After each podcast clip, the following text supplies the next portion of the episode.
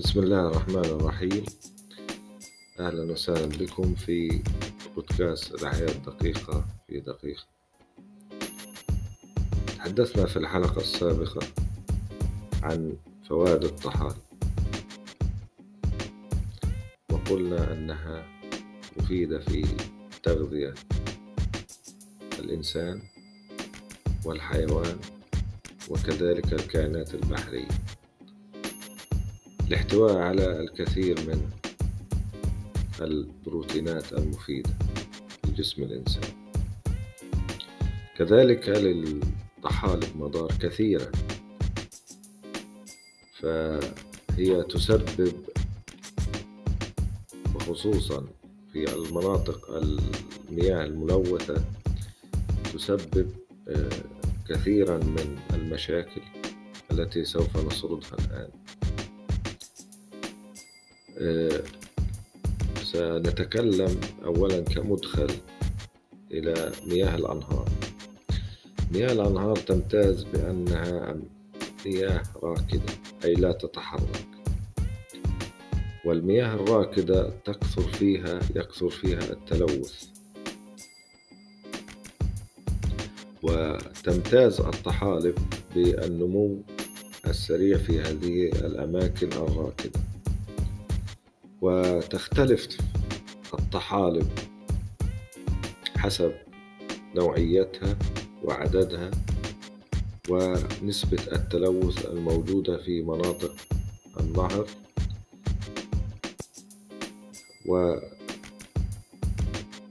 ولذلك فهي تسبب كثيرا من التلوث. ومن الكائنات الطحلبية التي تسبب التلوث وتحتوي على فضلات عضوية آه، مثل طحلب الكلاميدوموناس وهو طحلب وحيد الخلية وأيضا اليوبلينا والنافيكولا والسيندرا. تثير الطحالب الكثير من المشكلات بسبب وجودها في مجاري المياه السطحية وفي خزانات المياه المعدة للشرب والاستخدام المنزلي. كذلك توجد في آبار المياه السطحية المكشوفة. والطحالب بسبب تواجدها في مصادر المياه تسبب أضرار كثيرة. وخاصة تلك المستخدمة للحصول على ماء الشرب أو توليد الكهرباء. ومن هذه الأضرار التي تسببها الطحالب هي غلق المرشحات التي تقوم بترشيح المياه وكذلك تعطيل توربينات توليد الكهرباء سبب تراكمها الكبير والضار وكذلك تآكل المنشآت الخرسانية والمعدنية بسبب نموها الكثيف عليها وكذلك إنتاج السموم الطحلبية وهو الأخطر على الإطلاق. بالنسبة لغلق المرشحات في محطات معالجة مياه الشرب تمر المياه في أثناء معالجتها إلى مرحلة التصفية. والتي يستخدم فيها الحصى والرمل لترشيح المياه من الجسيمات الصلبة العالقة والمواد اللزجة خلال مرشحات رملية مكونة من حبيبات الرمل والحصى بأحجام مختلفة وأثناء مرور الماء خلال حصى الترشيح تمتلئ المسافات بين الحصى وتغلق المرشحات العادية خلال 30 إلى 100 ساعة لانسداد ولذلك يجب إعادة التنشيط بفتح المسام بتيارات عكسية من الهواء. فإذا كان مصدر الماء خزانات كبيرة أو بحيرة أو نهر فإن الطحالب الموجودة بكمياتها المختلفة ستكون غالبا هي السبب الرئيسي في غلق وانسداد المرشحات مما يخفض الزمن إلى أقل من عشر ساعات مما يزيد من تكلفة التشغيل وضاعت كثير من الوقت. وبدون هذه المعالجة الأولية سوف تغلق المرشحات وستصبح غير صالحة للاستعمال اقتصاديا كذلك تسبب آه، مشاكل خاصة بمياه الشرب. فلذلك آه، وجود الطحالب بكثرة في إمدادات مياه الشرب غير مقبول من الناحية الجمالية.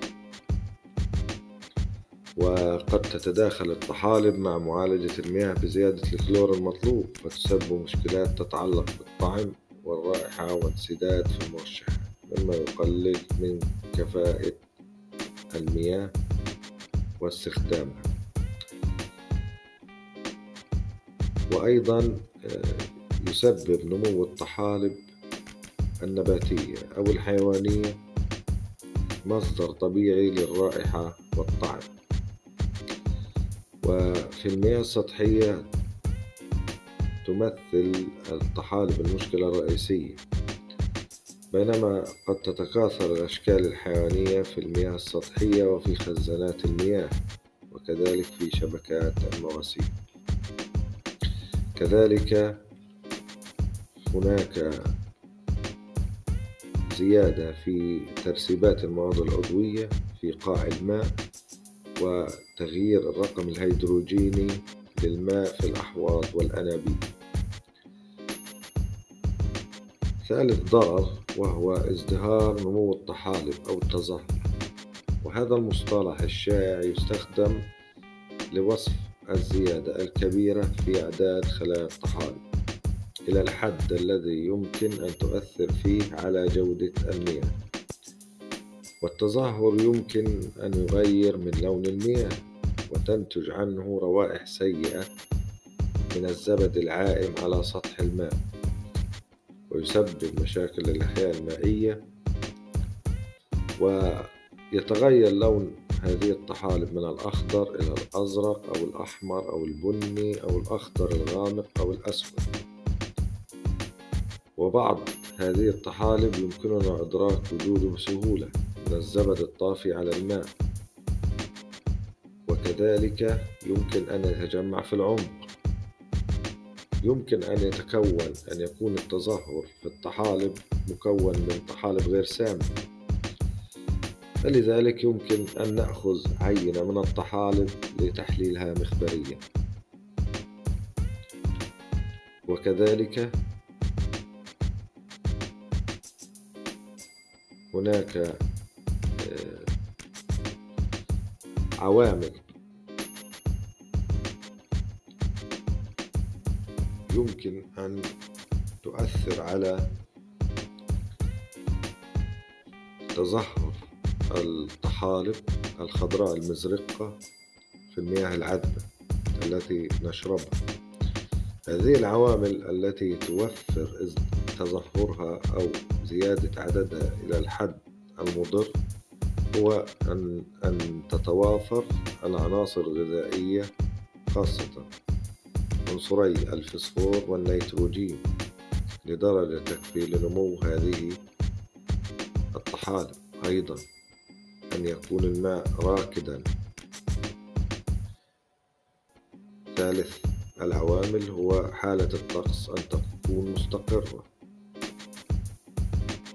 رابعا العوامل هو أن يكون الطقس دافئ. برغم أن الطحالب يمكنها أن تنمو في الطقس البارد. كلما زاد استقرار الطقس فإن إمكانية تظاهر الطحالب تكون في زيادة. ننتقل إلى النقطة الرابعة والأخيرة وهي آه، السموم الطحلبية في مياه الشرب. آه، في حال توفر ضوء الشمس يزيد نمو وازدهار الطحالب الخضراء المزرقة. أو ما يطلق عليها بالسيانوبكتيريا هناك نشاطات أيضية تنتج عن آه، أيض الكائنات الحية. هذه المركبات الأيضية الثانوية ناتجة تكون عن عمليات البناء والهدم داخل خلايا الكائن الحي. منها ما له أثر سام أو قاتل أو يطلق عليه بالسموم الطحلبية أو الألجا توكسين وإفرازات هذه تزداد بزيادة تكاثرها أو زيادة تظاهرها والتي تؤثر على جودة المياه وأيضا يكون بتغيير الطعم والرائحة إلى حد السمية والخطر. آه، أيضا يمكن إزالتها آه، بهذه إزالة هذه السمية من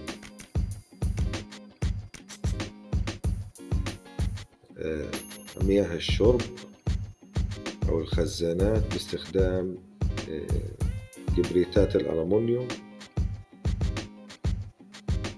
آه، وذلك لأن كبريتات الألمنيوم قادرة على إزالة الطحلب بالترسيب أو التخثير في محطات معالجة المياه مع ضمان عدم إطلاق السموم من داخل الطحلب.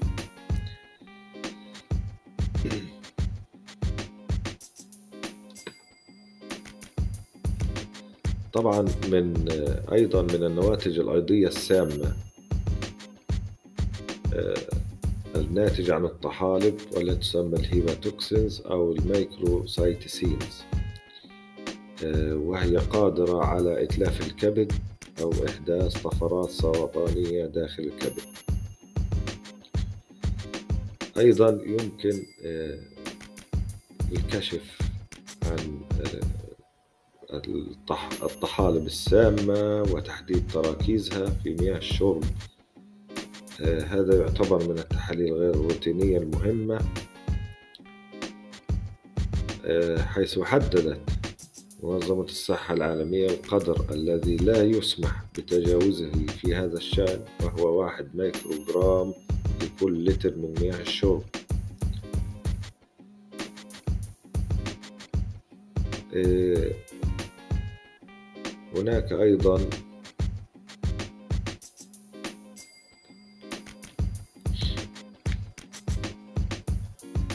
عدة طرق لتحديد تركيز السموم الطحلبية داخل مياه الشرب وهي الفصل الكروماتوغرافي TLC أو HPLC وبعض الطرق المناعية كالإلايزا حيث يرتبط السم بجسم مضاد متعدد آه، موجه ضد السم وعموما فبالرغم من أن هناك كثير من موارد آه، الدول الخليجية المائية هي مياه جوفية غالبا إلا أن مقادير من الطحالب قد تحدها أو قد تجدها في وحدات المعالجة وحتى في فلاتر الماء التقليدية التي آه، تلحق ببرادات الماء أو عند مدخل شبكة الماء في أفنة البيوت علاوة على السدود أو البحار في تلك الدول.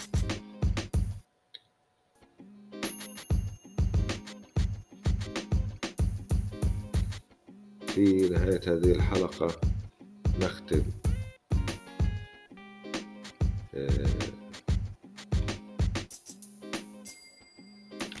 نختم هذه الحلقة. وشكرا لمتابعتكم للبودكاست. أتمنى قد أكون قد أفدتكم بمعلومات. ولو كانت بسيطة. شكرا لاستماعكم. السلام عليكم ورحمة الله وبركاته.